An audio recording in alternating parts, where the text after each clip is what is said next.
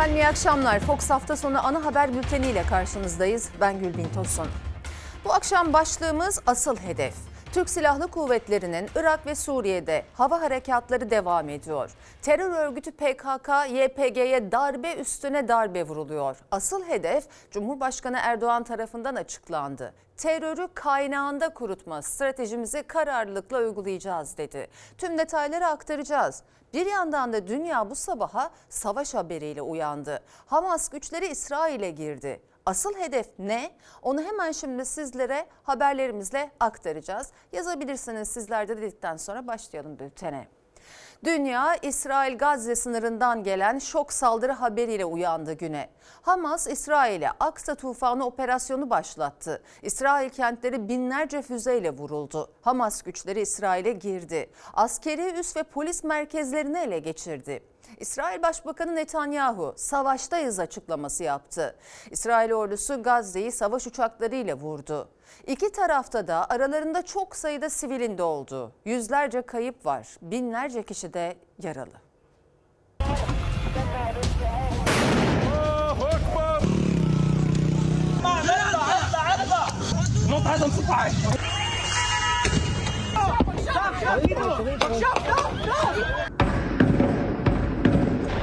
برج فلسطين يتعرض للتدمير Hamas İsrail'e saldırdı. 20 dakikada 5000'den fazla roket fırlattı. Silahlı gruplar havadan, karadan ve denizden ülkeye girdi. Yerleşim yerleri ve üsleri ele geçirdi. Onlarca askerle sivil esir aldı. İsrail neye uğradığını şaşırdı.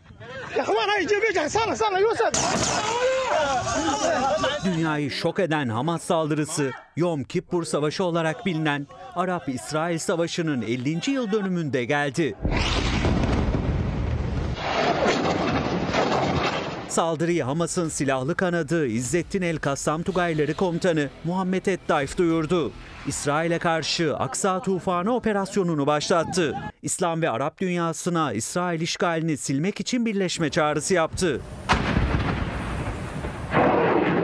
Hamas'ın operasyonu Şafak'la birlikte abluk altındaki Gazze'den İsrail kentlerine roket saldırısıyla başladı. Yüzlerce roket İsrail'in hava savunma sistemi Demir Kubbe'yi aştı. Gazze sınırına yakın Siderot ve Aşkelon'dan alevler yükseldi. Roket saldırıları sürerken Hamas güçleri İsrail'e ikinci şoku yaşattı. Silahlı gruplar karadan pikap ve motosikletlerle, havadan paramotorlarla, denizden de botlarla İsrail'e girdi. Filistinli gruplar Gazze sınırına yakın yerleşim yerlerinde İsrail güçleriyle çatıştı. Kısa sürede polis karakolu, askeri üs ve kontrol noktalarını ele geçirdi. İşgal altındaki Filistin topraklarında yaşayan İsrailli yerleşimciler iç bölgelere ulaşmak için yollara düştü. Hamas ilk baskın sonrası İsrail güneyinde birçok noktada denetimi sağladı. İsrail askerlerinin geride bıraktığı askeri araçlar, silah ve mühimmat Gazze'ye götürüldü. Ani baskınla büyük şok yaşayan İsrail, savaş durumu alarmı ilan etti. Yedek askerler göreve çağrıldı. Kabineyi olağanüstü toplayan Başbakan Netanyahu Hamas'ı tehdit etti. İsrail vatandaşları savaştayız. Bir operasyon veya karşılıklı saldırı değil. Savaş. Bir savaşın içindeyiz ve bunu kazanacağız. İsrail Savunma Bakanı Galant ise İran'ı hedef aldı. Bize savaş ilan eden İran'dır. Ağır karşılık verilecek dedi. İsrail yönetimine yanıt Hamas lideri İsmail Haniye'den geldi. Haniye bir kahramanlık savaşı içerisinde olduklarını belirtti. Filistin lideri Mahmut Abbas da sessiz kalmadı. Filistin halkının kendini savunma hakkının olduğunu söyledi. İsrail ordusu Gazze şeridine demir kılıçlar operasyonu başlatıldığını duyurdu. Savaş uçakları Gazze ve çevresini bombaladı. Filistin Sağlık Bakanlığı çoğu sivil en az 200 kişinin öldüğünü, 2000'e yakın kişinin yaralandığını açıkladı.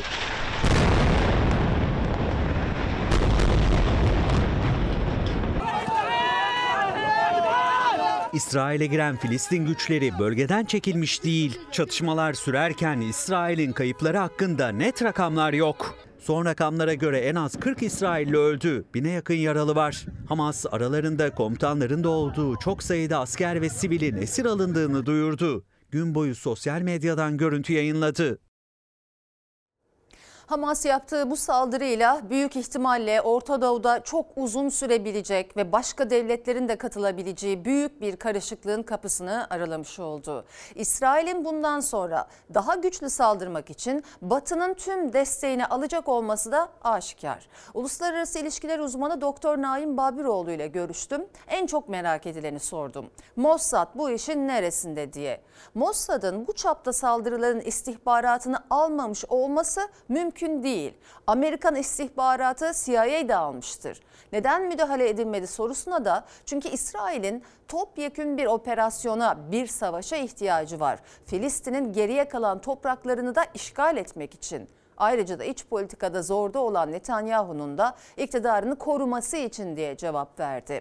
Sorular çok ama belli ki daha uzun süre bu konuları, gelişmeleri konuşacağız. Sayın seyirciler Hamas'ın askeri kanadının İsrail'e yönelik başlattığı saldırı hem Cumhurbaşkanı Erdoğan'ın hem de muhalefetin de gündemindeydi. Cumhurbaşkanı Erdoğan tarafları itidalli davranmaya davet etti.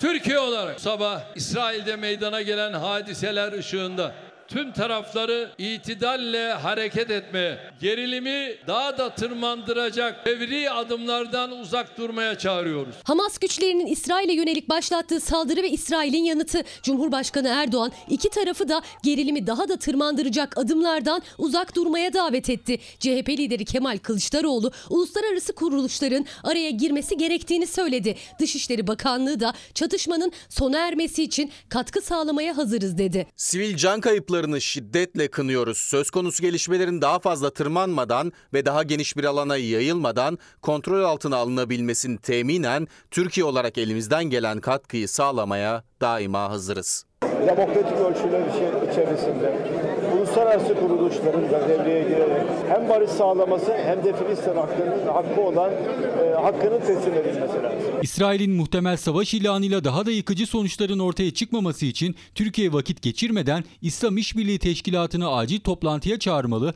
ve ilgili taraflar arasında derhal ateşkesin sağlanabilmesi için diplomatik bir eylem planı ortaya koymalıdır. Hamas'ın İsrail'e son yılların en büyük saldırısı Türkiye'nin de gündeminde. Hamas'ın askeri kanadının Aksa Tufanı operasyonu olarak duyurduğu İsrail'e yönelik roket saldırısı sonrası İsrail savaş alarmı verdi.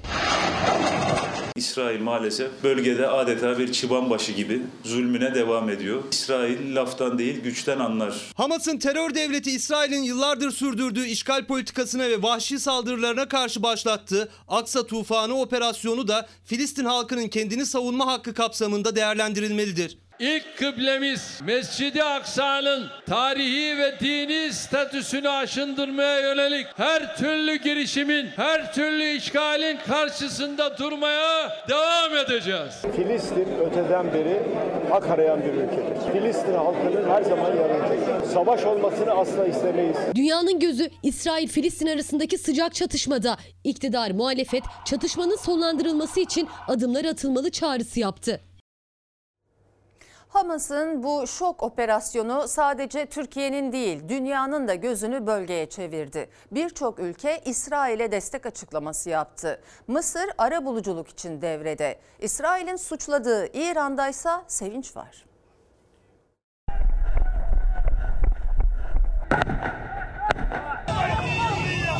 Hamas'ın Aksa Tufanı operasyonu sadece İsrail'i değil dünyayı da şaşkına çevirdi.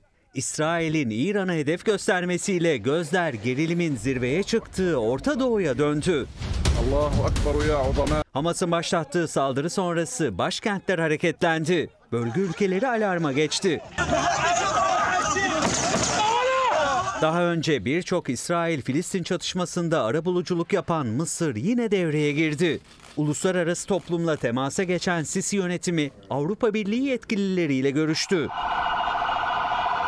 Amerika Birleşik Devletleri ise İsrail'e destek mesajı açıklamakta gecikmedi. Beyaz Saray Hamas'ı sivilleri hedef almakla suçladı. Washington'ın İsrail hükümeti ve halkının yanında olduğunu söyledi. Amerika Savunma Bakanlığı Pentagon'sa İsrail'in kendini savunmak için ihtiyaç duyduğu her şeyi sağlamak için çalışacağız dedi. Aralarında İngiltere, Almanya ve Fransa'nın da olduğu Avrupa ülkeleri ise Hamas'a tepki gösterdi. İsrail'le dayanışma içindeyiz mesajı verdi. İsrail'in hedefindeki İran'da sevinç vardı. Parlamentodan İsrail'e ölüm sloganları yükseldi. Hamas operasyonu ve İsrail'in Gazze'ye yönelik saldırısı son dönemde İsrail'le normalleşme adımları atan Suudi Arabistan'ın da yakın takibinde. Dışişleri Bakanlığı şiddetin derhal durdurulması çağrısı yaptı. Katar ise Hamas'a destek verdi. Gerilimin tek sorumlusunun İsrail olduğunu belirtti. Gelişmeleri yakından izleyen Rusya da İsrail ve Filistin'den müzakere masasına dönmelerini istedi. Türk Silahlı Kuvvetleri Suriye kuzeyinde yuvalanan terör örgütü PKK-YPG hedeflerine bir kez daha hava harekatı düzenledi. Ondan fazla hedef imha edildi. Etkisiz hale getirilen terörist sayısı 58'e yükseldi.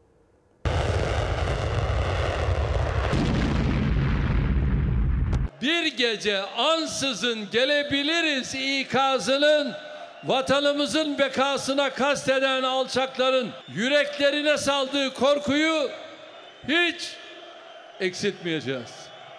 Cumhurbaşkanı Erdoğan Irak ve Suriye'de terör örgütüne yönelik harekatları bu sözlerle değerlendirdi. Terörü kaynağında kurutma stratejimizi kararlılıkla uygulayacağız dedi.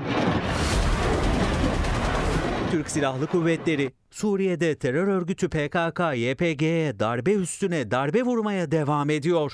Perşembe gecesi düzenlenen ilk hava saldırısının ardından savaş uçakları gece bir kez daha havalandı. Jetler Suriye'nin kuzeyine yöneldi. PKK-YPG'li teröristlere ait barınak, depo ve sözde karargahların da olduğu hedefler tam isabetle vuruldu.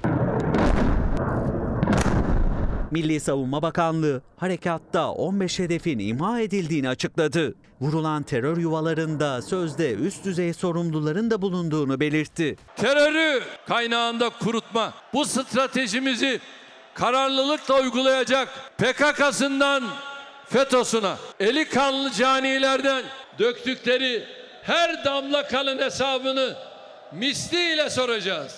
Teröre darbe hava harekatıyla sınırlı kalmadı. Fırat Kalkanı, Zeytin Dalı ve Barış Pınarı bölgelerindeki PKK-YPG'li teröristler gece boyu obüs ve çok namlulu roket atarlarla ateş altına alındı. Milli Savunma Bakanlığı ilk belirlemelere göre 14 teröristin etkisiz hale getirildiğini duyurdu. Suriye'nin kuzeyinde etkisiz hale getirilen terörist sayısı 58'e yükseldi. Türkiye'nin Suriye'nin kuzeyinde terör yuvalarına yönelik operasyonu devam ederken Amerika'nın tehdit olarak algıladık o yüzden düşürdük dediği Türk sihası siyasetin gündeminde. Cumhurbaşkanı Erdoğan yürütülen operasyonlara ilişkin kararlılık mesajı verdi ama Amerika'nın düşürdüğü SİHA'ya hiç değinmedi. Terörü kaynağında kurutma stratejimizi kararlılıkla uygulayacak eli kanlı canilerden döktükleri her damla kanın hesabını misliyle soracağız. Türkiye'nin egemenlik haklarına bir başka ülkenin müdahalesini asla doğru bulmuyoruz ve kabul etmiyoruz. SİHA'mızı vuran uçak nereden kalktı? Bu uçak gerçekten İncirlik üstünden mi kalktı? Cumhurbaşkanı Erdoğan terör örgütü PKK'nın İçişleri Bakanlığı'na yönelik saldırısı sonrası Suriye'nin kuzeyine yönelik başlatılan hava harekatı ile ilgili konuştu. Terör örgütünden hesabını soracağız derken muhalefet Amerika'nın Suriye'de düşürdüğü Türk SİHA'sını gündemde tutuyor. Dışişleri Bakanlığı, Milli Savunma Bakanlığı bu konuda topluma yeteri kadar aydınlatıcı bilgi vermemiştir. Büyük bir felakettir. Operasyon esnasında üçüncü taraflarla işletilen çatışmazlık mekanizmasındaki farklı teknik değerlendirmeler nedeniyle bir SİHA kaybedilmiştir. Teknik iletişim hataları açıklamalarını gerçekçi bulmuyorum. Hava operasyonlarının tamamı nereye gittiği, hangi hedefe yöneldiği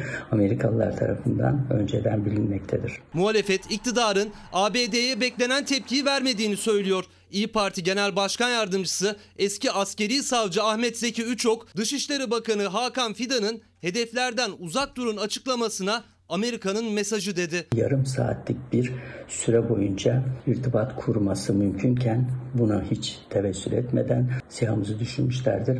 Eğer sen beni ve etrafımda bulunan kişilere karşı herhangi bir operasyon yaparsa gerekirse de senin uçağını düşürürüm anlamında Türk siyasını düşüren Amerikan savaş uçağı İncirlik'ten mi kalktı? Bunun cevabını versinler. Zafer Partisi Genel Başkanı Ümit Özdağ, Türk SİHA'sını düşüren ABD F-16 uçağı İncirlik'ten mi kalktı diye sormuştu. Yanıt gelmedi. Türk Silahlı Kuvvetleri'ne ait olan bir SİHA'yı Türkiye sınırlarının içinden kalkan bir uçak mı vuruyor? Başına çuval geçirilen askerlerimiz olayından çok daha vahim bir durum. Türkiye'nin bölgede devam etmekte olan operasyonları çerçevesinde Irak ve Suriye'de bulunan Amerikan güçleriyle aramızdaki çatışmazlık mekanizması da gündeme gelmiş. Bir sihamızın düşürülmesi bağlamında söz konusu mekanizmanın terörle mücadelemize engel teşkil etmeyecek şekilde etkin çalıştırılması konusunda mutabakata varılmıştır. Dışişleri Bakanı Hakan Fidan'ın mevkidaşı Blinken'la yaptığı telefon görüşmesi sonrası dışişlerinden yapılan bilgilendirme. SİHA'nın düşürülmesi devam eden operasyonlara engel değil açıklaması. Muhalefet yaptırım bekliyor. AK Parti'de bugün büyük kongre vardı. Erdoğan tek aday olarak girdiği kongreden bir kez daha genel başkan olarak çıktı. Erdoğan kongrede yeni parti yönetimini de belirledi. 75 kişilik Merkez Karar ve Yönetim Kurulu'nda 26 isim yerini korurken 49 isim listede yer almadı. A takımındaki değişiklikte en çok dikkat çeken Erdoğan'ın partideki vekili Binali Yıldırım'a yeni yönetimde yer vermemesi oldu. AK Parti'nin her kongresi bir değişim esintisi eşliğinde gerçekleşir. Bugünkü kongremizde de yeni bir değişimi AK Parti'de göreceksiniz. 31 Mart yerel seçimlerine gidilirken Erdoğan Partisi'nin 4. olağanüstü kongresinde A takımını yeniledi. Daha önce AK Parti hükümetlerinde bakanlık yapan Ahmet Arslan, Mahir Ünal, Mustafa Elitaş, Nihat Zeybekçi ve Fatma Betül Sayan Kaya listeye girerken Binali Yıldırım, Bekir Bozdağ, Mehmet Özhaseki, Metin Külünk, Özlem Zengin ve Şamil Tayyar'ın aralarında olduğu 49 isim liste dışı kaldı. Başta İstanbul, Ankara olmak üzere büyük oranda büyük şehirlerimizi masaya tam manasıyla yatırıp gece gündüz demeden durmak yok, yola devam diyeceğiz. Kongrede AK Parti'nin tek genel başkan adayı Cumhurbaşkanı Erdoğan'dı. Gözler AK Parti'nin en üst karar organı Merkez Karar ve Yönetim Kurulu'ndaydı. 75 kişilik MKYK'da 26 isim yerini korudu, 49 isim değişti. Dikkat çeken isimlerden biri Genel Başkan Vekili olan Binali Yıldırım'ın listede olmamasıydı. Erdoğan'ın yeni A takımına giremeyen Özlem Zengin İstanbul Sözleşmesi'nden yana tavır koymuştu. 6284 bizim için önemli bir konudur ve kırmızı çizgimizdir. Eski MKYK üyesi Metin Külünk de Diyanet İşleri Başkanı Ali Erbaş'a yönelik ağır suçlamalarda bulunmuştu. Görevden alınmasını istemişti. O da listeye giremedi. 14 ve 28 Mayıs seçimlerinde elde ettiğimiz kritik başarıyı 31 Mart'ta tekrarlayarak yerel yönetimlerde de yeni bir dönemi başlatacağız. Cumhurbaşkanının yeni kadrosuyla verdiği 31 Mart yerel seçim startı Türkiye yüzyılı vurgusuyla yapılan kongrede hedefinde muhalefet vardı. Altılı masa dediler. 16'lı masa dediler. 116'lı masa dediler. Ne oldu? Bak şimdi o masadan parlamentoda kimse var mı? Başkanlarının parlamentoda olmadığı altılı masa. Cumhur İttifakı parlamentoda. Partililere önce salonun dışından seslendi. Eşi Emine Erdoğan'la el ele girdiği kongre salonundaysa duygusal anlar yaşadı Erdoğan. Konuşmaya başlayacağı esnada gençlik kolları Erdoğan ve annesinin yer aldığı koreografi açtı, gözleri doldu. Erdoğan AK Parti kongresinde bir kez daha yeni anayasa çağrısı yaptı. Cumhuriyeti gerçek demokrasiyle kucaklaştıracak sivil, özgürlükçü ve kuşatıcı bir anayasayı inşallah ülkemize kazandıracağız. Milyonlarca emekli en düşük emekli maaşında bir düzenleme beklerken Cumhurbaşkanı inşallah demişti. Erdoğan'dan yeni günde müjde açıklaması geldi ama o müjdede en düşük 7500 lira alan emekli var mı yok mu anlaşılamadı. Son 21 yıldır enflasyonu ezdirmediğimiz işçi, memur ve emeklilerimize inşallah önümüzdeki dönemde yeni müjdeler vermeye devam edeceğiz. Cumhurbaşkanı Erdoğan önümüzdeki dönem diyerek emekliye, çalışana yeni müjdeler vereceğiz dedi. Birkaç cümle sonra da açıklanacak müjde için süre vererek sadece emekli memurları dillendirdi. En düşük 7500 lira alan SGK Bağkur emeklisi için düzenleme olacak mı olmayacak mı kafalar karıştı. Özellikle emekli memurlarımızın maaşlarıyla ilgili şu anda bakanlığımız çalışmasını yapıyor ve ilk kabine toplantımızdan sonra yeni müjdemizi de emekli memurlarımıza açıklayacağız. Memur emeklisi dışında milyonlarca emekli kök maaş düzenlemesi bekliyor. En düşük 7500 lira olan emekli maaşına zam isterken Cumhurbaşkanı sadece memur emeklisi dedi müjde verirken. Seçimlerden önce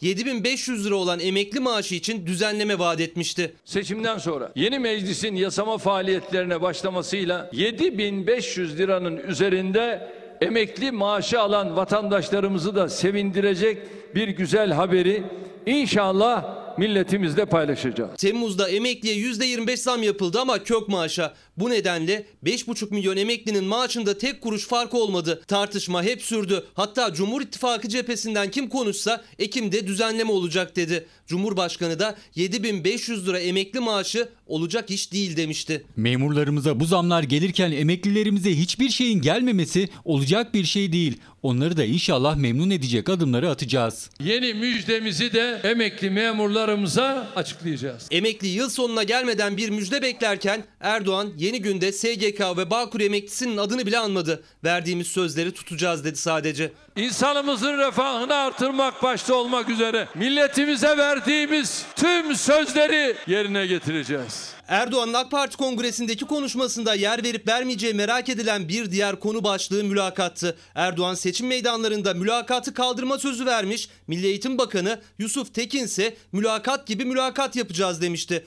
Bakan Tekin bu kez farklı konuştu. Sayın Cumhurbaşkanımız size biz orada kabinede sunum yaptık. Sayın Cumhurbaşkanımız öğretmenlikle ilgili belki mülakata hiç ihtiyaç duymayacağımız bir şekilde yeniden revize edeceğimizi Erdoğan'ın ne karar alacağı merak edilirken Milli Eğitim gibi Sağlık ve Gençlik ve Spor Bakanlıkları da mülakatla personel almaya devam ediyor. Mesela bir izleyicimiz asıl hedef emekli kredi kartlarına ka- sınırlamalar kaldırılsın. Emekli kredi kartlarından borçlandığında KKDF ve BSMV ödemesin. Emeklilere seyyanen zam istemiyoruz. Herkese ödediği prim gün sayısına da e, göre oransal zam yapılsın. 10.000 TL'de Cumhuriyet Bayramı e, ikramiyesi bekliyoruz demiş. Efendim Ticaret Bakanı marketlere ve perakendecilere seslendi. Cumhuriyet'in 100. yılına özel büyük bir indirim kampanyası yapılmasını istedi. Bakan Bolat'ın çağrısına marketçilerin tepkisi var. Üstelik 5 yıl önce yapılan benzer bir çağrı enflasyonu bırakın düşürmeyi alevlenmesine neden, neden olmuştu.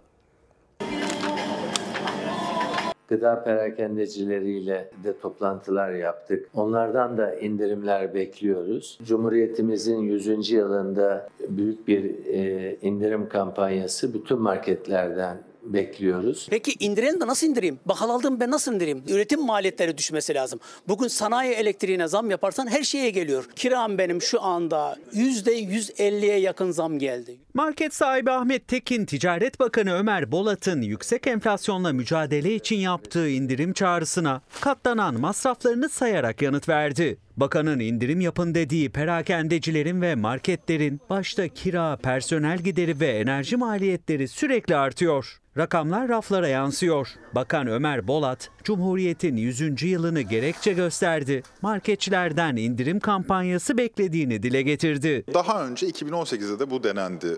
Programın adı enflasyonla topyekün mücadele programıydı. Bu programın da arka planında şirketlere indirim yapılmasına ilişkin bir tavsiye veya zorlayıcı önlemler vardı. Hükümet kendi üzerindeki sorumluluğu perakende sisteminin üzerine atmıştı. Tüm firmalarımızdan asgari %10 indirim yapmaları ve bu indirimi yıl sonuna kadar sürdürmeleri fikri üzerinde topyekün bir mutabakata vardı. Bu bir gönüllülük kampanyası. 2018'de başlatılan indirim kampanyası da enflasyonun ateşini düşürmemişti. Başta gıda olmak üzere fiyatlar yerinde durmadı. 5 yıl sonra bir kez daha perakendecilerden indirim istendi. İnşallah enflasyonla mücadelede başarılı olacağız. Bundan kimsenin şüphesi olmasın. Böyle bir teşhis koyduğunuz zaman ya perakende sisteminin suçudur bu enflasyon dediğiniz zaman o zaman perakende sistemine rica etmeniz lazım. O zaman bir indirim yapıverin diye. Fakat perakende sistemi bu işin görünen kısmı. İşin üretim boyutu var. 5 liradan tarlada çıkan şey bedava dahi çıksa buraya gelmesi 20 lirayı falan buluyor. Yakıt çok pahalı, personel ücretleri pahalı. Çiftçiden başlayıp perakende sisteminin son halkasına kadar, oradan tüketiciye kadar geçen yaklaşık 6-7 halkadan oluşan üretim tüketim zinciri var. Bu zincirin tek bir halkasının na indirim yapın derseniz zincirin geri kalanı da boşa düşüyor. Bir ürünü tüketiciye ulaştıran marketçiler ve perakendecilere göre üretim maliyetlerini düşürmeden bir üründe indirim yapmak bugünün şartlarında pek gerçekçi görünmüyor. Zincirin son halkasında olan tüketici de marketçilerle aynı fikirde. Zoraki indirim olur mu? Önce onlar yapsınlar indirimleri. O zaman onlar doğalgazda, elektrikte, e, işte vergilerde falan indirim yapsınlar. Marketlerde onlara örnek alır belki. Bir teneke peynir 3500-4000 lira. 17 kilo. Bu haftaki aldığımı önümüzdeki hafta alamıyorum. Bankadan kredi çektim. Kredi kartlarımı kapatacağım. Tekrar kredi kartlarımı önü açacağım. Tane tane anlatmış Ozan Gündoğdu bu şekilde sorunun çözülemeyeceğini. Ama tabii bir yandan da bu uygulama enflasyonda 1-2 aylık düşüşe bile neden olsa, suni bir çözüm sağlasa yani Ocak'ta verilecek zamlara etkisi olumsuz yönde olacak. Ocak ayı geldiğinde de fiyatlar eski haline döndüğünde bu sefer daha az zamlı maaşlarla ortada kalmak da var. İnsanın aklına her şey geliyor. Efendim Tekirdağ Çorlu'da Öziplik İş Sendikası bir tekstil fabrikasındaki işçilerin örgütlenme mücadelesine destek için fabrika önüne gitti. Ancak işveren akıllara gelmeyecek bir yöntemle sendika üyelerine engel oldu. Yola yerleştirilen fıskiyeler bir anda devreye girdi. İşçilerin sendikacılara yaklaşmasını engellemek için fabrikanın önüne su fiskeleri döşenmiştir. Fiskeler tekrardan açılıyor bakın. Bakın sırayla su fiskelerine su gelmeye başladı. Tekirdağ Çorlu'da bir tekstil fabrikasının önü sendikanın işçilerle buluşmasını, örgütlenmesini engellemek için işverenin bulduğu yöntem. Sendikacılar geldiğinde devreye giren yol boyu döşenmiş fıskiyeler. İşveren bu şekilde devlete ait yolu sendika çalışanları durup işçilere bilgilendirme yapmasın diye bu şekilde devletin yollarını tutuyor ve bizim burada durmamızı engelliyor. Öziplik İş Sendikası Çorlu'da faaliyet gösteren bir fabrikada sendikalaşmak, sendikal hakları ile ilgili bilgi vermek için işçilere ulaşmaya çalıştı. Ama işverenin akıl almaz yöntemiyle karşılaştılar. Fiskeler tekrardan açılıyor bakın. Bakın sırayla su fiskelerine su gelmeye başladı. İşveren aleni bir şekilde sendikalaşmayı engellemek istemektedir. Sırf kapının önünde durup da işçiyi selamlayamayalım diye işveren burada yol boyuna komple fiskiye döşemiş. Sendikanın iddiasına göre yol boyu döşenen fıskiyeler işçilerle sendikanın buluşmasını engellemek için. Az önce suları açtılar ve sendika çalışanı arkadaşlar ıslandılar. Şimdi tekrardan kapatıp bir kapatıp bir açıyorlar. İşveren sendika ve işçiler arasına fıskiye ile girmeye çalışsa da sendikacılar ısrarlı fabrika önünden ayrılmaya niyetimiz yok diyorlar. Bugün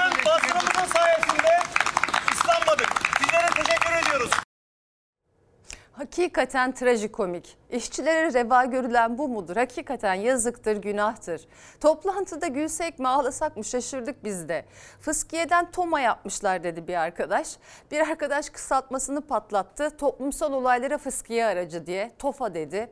Bizim de sinirlerimiz hakikaten bozuluyor bazen. Ülkede son durum Hunili gezme modası çünkü. Sayın seyirciler doktorlara sağlık çalışanlarına yönelik şiddetin ardı arkası kesilmiyor. Bu kez Kocaeli'nde bir aile sağlığı merkezinde 3 doktor darp edildi. Saldırı dakikalarca sürdü. Boğazı sıkılan, başına ağır darbeler alan doktorlar tedavi altında. Saldırganlardan ikisi tutuklandı, biri hala aranıyor. Senin iznin var mı kardeşim? Hocam, hocam.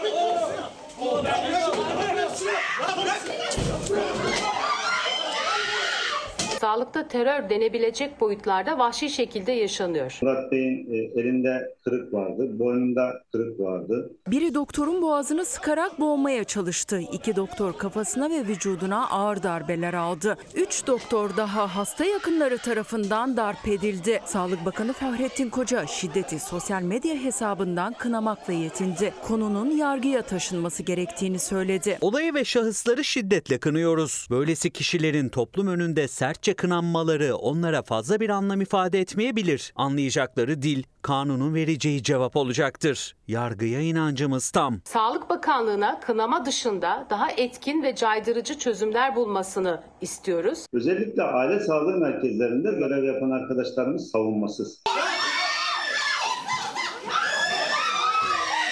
Doktora şiddetin adresi bu kez Kocaeli'ndeki Körfez Fatih Aile Sağlığı Merkezi oldu. Hasta ve hasta yakınları aile hekimleriyle tartışmaya başladılar önce. Sonra da saldırdılar yumruklar ve tekmelerle. O an aile sağlığı merkezinde olanlar ayırmaya çalışsa da öfkesi dinmedi hasta yakınlarının. Doktorlardan Ahmet Murat Kazan, Serdar Erişti ve Yılmaz Sarıkaş ağır darbeler aldı. Saldırganlardan biri Yılmaz Sarıkaş'ın boğazını sıkarak doktoru boğmaya çalıştı. Doktor baygınlık geçirerek yere yığıldı. Siyasi söylemler ve hiçbir şekilde bilimle bağdaşmayan muayene süreleri, hasta sayıları ve bir türlü dur denilmeyen usulsüz istekler nedeniyle sağlık çalışanlarının çalışma ve can güvenliği tehdit ediliyor ve bu konuda hiçbir şey yapılmıyor. Bir aile sağlığı merkezinde bir doktor için ambulans sesleri yükseldi. Sağlık Bakanı Koca, gri kod sistemiyle şiddet durumunda güvenlik personeli ve polisin acil müdahalesi üzerine çalışıldığını açıklamıştı. Aile sağlığı merkezinde güvenlik görevlisi de yoktu, polis de gelmedi. Saldırı dakikalarca sürdü. İster bunun adına beyaz kod diyelim, ister kırmızı kod diyelim, ister kırım, e, gri kod diyelim. Şiddet eğer siyaset dili bu kadar ağır ve tahrik edici olduğu müddetçe e, bu artarak devam edecektir. Sağlık çalışanlarına uygulanan her türlü şiddet durumunda para cezasına çevrilmeden, ertelenmeden en ağır şekilde hapis cezasıyla cezalandırılmasını istiyoruz. Üç doktorun tedavisi sürüyor. Saldırganlardan ikisi tutuklandı, biri aranıyor. Birlik ve Dayanışma Sendikası 9 Ekim pazartesi günü itibariyle 5 gün iş bırakma eylemi çağrısında bulundu. Ülke genelinde 5 gün iş bırakıyoruz. Tüm sağlık camiasını ve kurumlarını bizimle birlikte olmaya çağırıyoruz. Sağlık Bakanı'nın gerçekten tek yaptığı tweet atmak bu konuda. Gerçi çoğu bakanın herhangi bir olumsuz olayda sergilediği tavır da aynı. Giderlerse gitsinlerden biz artık doktor dövebiliyoruz diyerek övünen vatandaşa kadar geldi olay. Şu ana kadar 30 binin üzerinde yetişmiş doktorumuz yurt dışına gitmiş hakikaten hastalandığımızda bir kaza falan geçirsek böyle giderse doktor bulamayacağız. Bunu anlamak neden zor? Sağlıkta şiddet yasasıysa teklifi ise daha doğrusu mecliste reddedilmişti. AK Parti ve MHP oylarıyla yine onu da hatırlatmak istedim. 6 Şubat depremlerinin vurduğu 11 ilden İstanbul'a geldi depremzedeler. Seslerini Çevre Şehircilik İl Müdürlüğü önünden yükselttiler. Kayıp yakınlarının bulunmasını, sorumluların cezalandırılmasını istediler. Biz yandık siz yanmayın diyerek beklenen İstanbul depremini hatırlattılar. Burada bulunan ailelerin hepsi çocuklarını, annelerini, babalarını kaybetti. Cenazeleri kepçelerle parçalanan, sevdiklerini kefensiz mezara koyan, mezarına sadece numara verilen, cenazesine aylarca ulaşamayanlar bizlerdik. Hala ulaşmamış olanlar da biziz. Biz alelacele kaldırılan enkazlardan geriye kalanlarız. Onlar en büyük acıyı yaşayanlar. 6 Şubat depremlerinde ailelerini, sevdiklerini kaybedenler. 8 aydır kayıp yakınlarını arıyor ve adalet istiyorlar. Depremin vurduğu 11 ilden onlarca depremzede İstanbul'dan bir kez daha seslendi yetkililere. Tüm kişi, kurum ve kuruluşlardaki yetkililerin yargılanmasını istiyoruz. AFAD'daki yozlaşmanın son bulmasını istiyoruz. Belediyelerin tali kusurlu değil, asli kusurlu sayılmasını istiyoruz. Şüpheliler taksirle adam öldürme suçundan yargılanmakta. Yani bilmeden nevrüsüz demir kullanmış. Bilmeden dere kumu kullanmış. Bilmeden kolon kesmiş. Bilmeden öldürmüşler canlarımızı. Hayır, müebbetle yargılanmalarını istiyoruz. İstanbul Ataşehir'de Çevre ve Şehircilik İl Müdürlüğü önündeydi depremzede aileler. Aralarında henüz çocuğunun cenazesine ulaşamayanlar da vardı. Fadime Gökçe gibi kalplerindeki büyük acıyla feryat ettiler. Benim kızım Fikriye Aybüke Körük. Eşi vefat etti. Onun cenazesini bulduk. O gömüldü. Ama benim kızım 8 aydır yok. Kızımı hala ar- arıyorum. Bulamadım. Kızımın bulunmasını istiyorum. Yapılan tahribatların hepsinin delillerini kendim enkaz başında, çocuklarımı kaybettiğim enkazın başında, kan kokularının içerisinde toplamaya çalıştım 12 gün boyunca. Kahramanmaraş'ta Ezgi ve Fazilet apartmanlarında evlatlarını, ailelerini kaybedenler de oradaydı. İki apartmanın altında da fırın vardı. İkisinde de kolon kesilmişti. Depremden önce de dava açmış, kazanmışlardı. Ama yaşanan felaketin önüne geçilemedi. O iki apartman depremde onlarca kişiye mezar oldu. İki fırının işletmecileri ise kaçarak sırra kadem bastı. Temmuz ayından beri yakalama kararı var ve bunlar serbest bırakıldığı için şu an kayıplar ifadeye bile gelmediler. Öfkeliyiz ve davamızın peşindeyiz. Adalet kavgamız çocuklarımızı bizden koparan tüm sorumlular ceza alana dek sürecek. Biz yaşamıyoruz yani evimiz zindan gibi. Adıyaman'da İstihyas Otel'de hayatını kaybeden Kuzey Kıbrıs Türk Cumhuriyeti'nden voleybolcu çocukların avukatları da oradaydı. Hepsinin isteği ortaktı. Adalet. En büyük acıyı yaşayanlar beklenen İstanbul depreminde hatırlattı. İstanbul depremine dikkat çekmek istiyoruz. Ben yandım. Sen yanma diyoruz. Biz bir daha ölmek istemiyoruz. İstanbul Bahçeli Evler'de bundan 9 gün önce meydana gelen doğalgaz patlamasında 3 kişi hayatını kaybetmişti. Apartmanda oturanlar bugün tahliye edildi ancak nereye gidecekleri, ne yapacakları konusunda hiçbir destek alamadılar.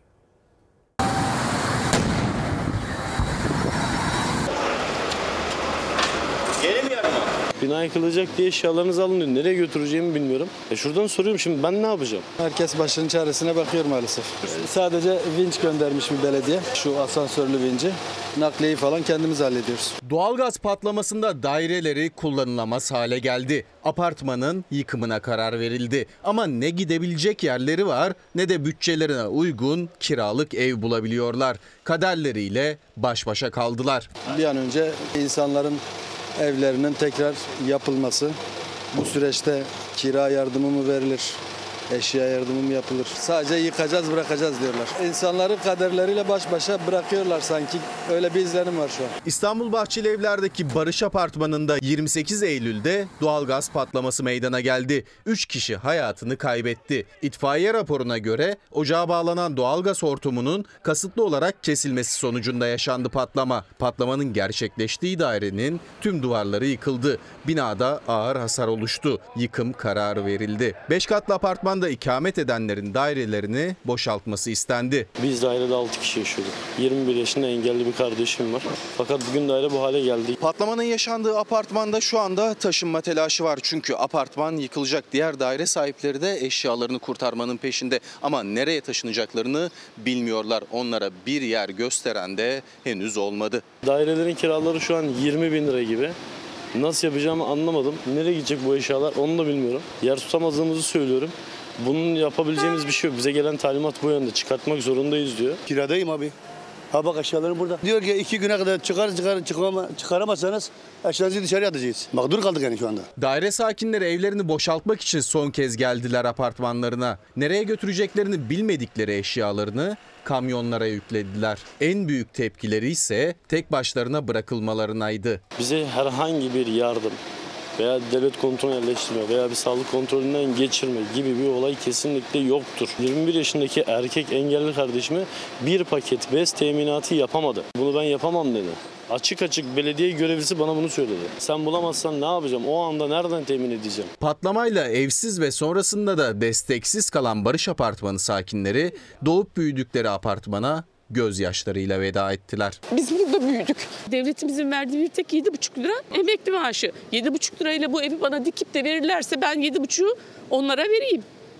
Yani ben anneme nasıl burayı yaptıracağız biz? Ne bekliyoruz mağduriyetimizin giderilmesini en azından bize kiralık dahi bir yer bulsalar o da bize yeter. Bursa'da bir yolcu otobüsünden indiği sırada fenalaştı bir yolcu. Durumu fark eden özel halk otobüsü şoförü yolcuya zarar gelmemesi için trafiği durdurdu. Tekrar otobüsü alarak hastaneye yetiştirdi. Gel buradan gel yolu kestim gel. Şunu tut tut arabaya arabaya. Tut tut böyle. Yolcusunun kendisini iyi hissetmediğini otobüsten inişi sırasında fark etti. Önce arkasından çağırdı, duymayınca koltuğundan indi yardımına koştu. Güvenliğini sağladıktan sonra da kapıları kapatıp gaza bastı. Özel halk otobüsü şoförü yolcusunu hastaneye yetiştirdi. Bursa'nın İnegöl ilçesinde seferini yapıyordu özel halk otobüsü. Şoför Naci Kalkan yolcusunun inişi sırasında bir tuhaflık olduğunu fark etti.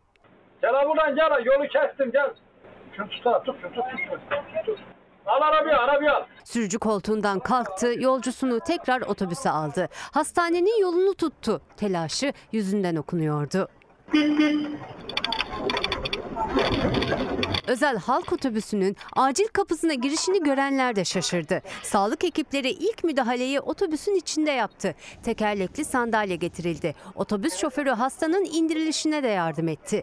Şapkasını başına koymayı dahi ihmal etmedi.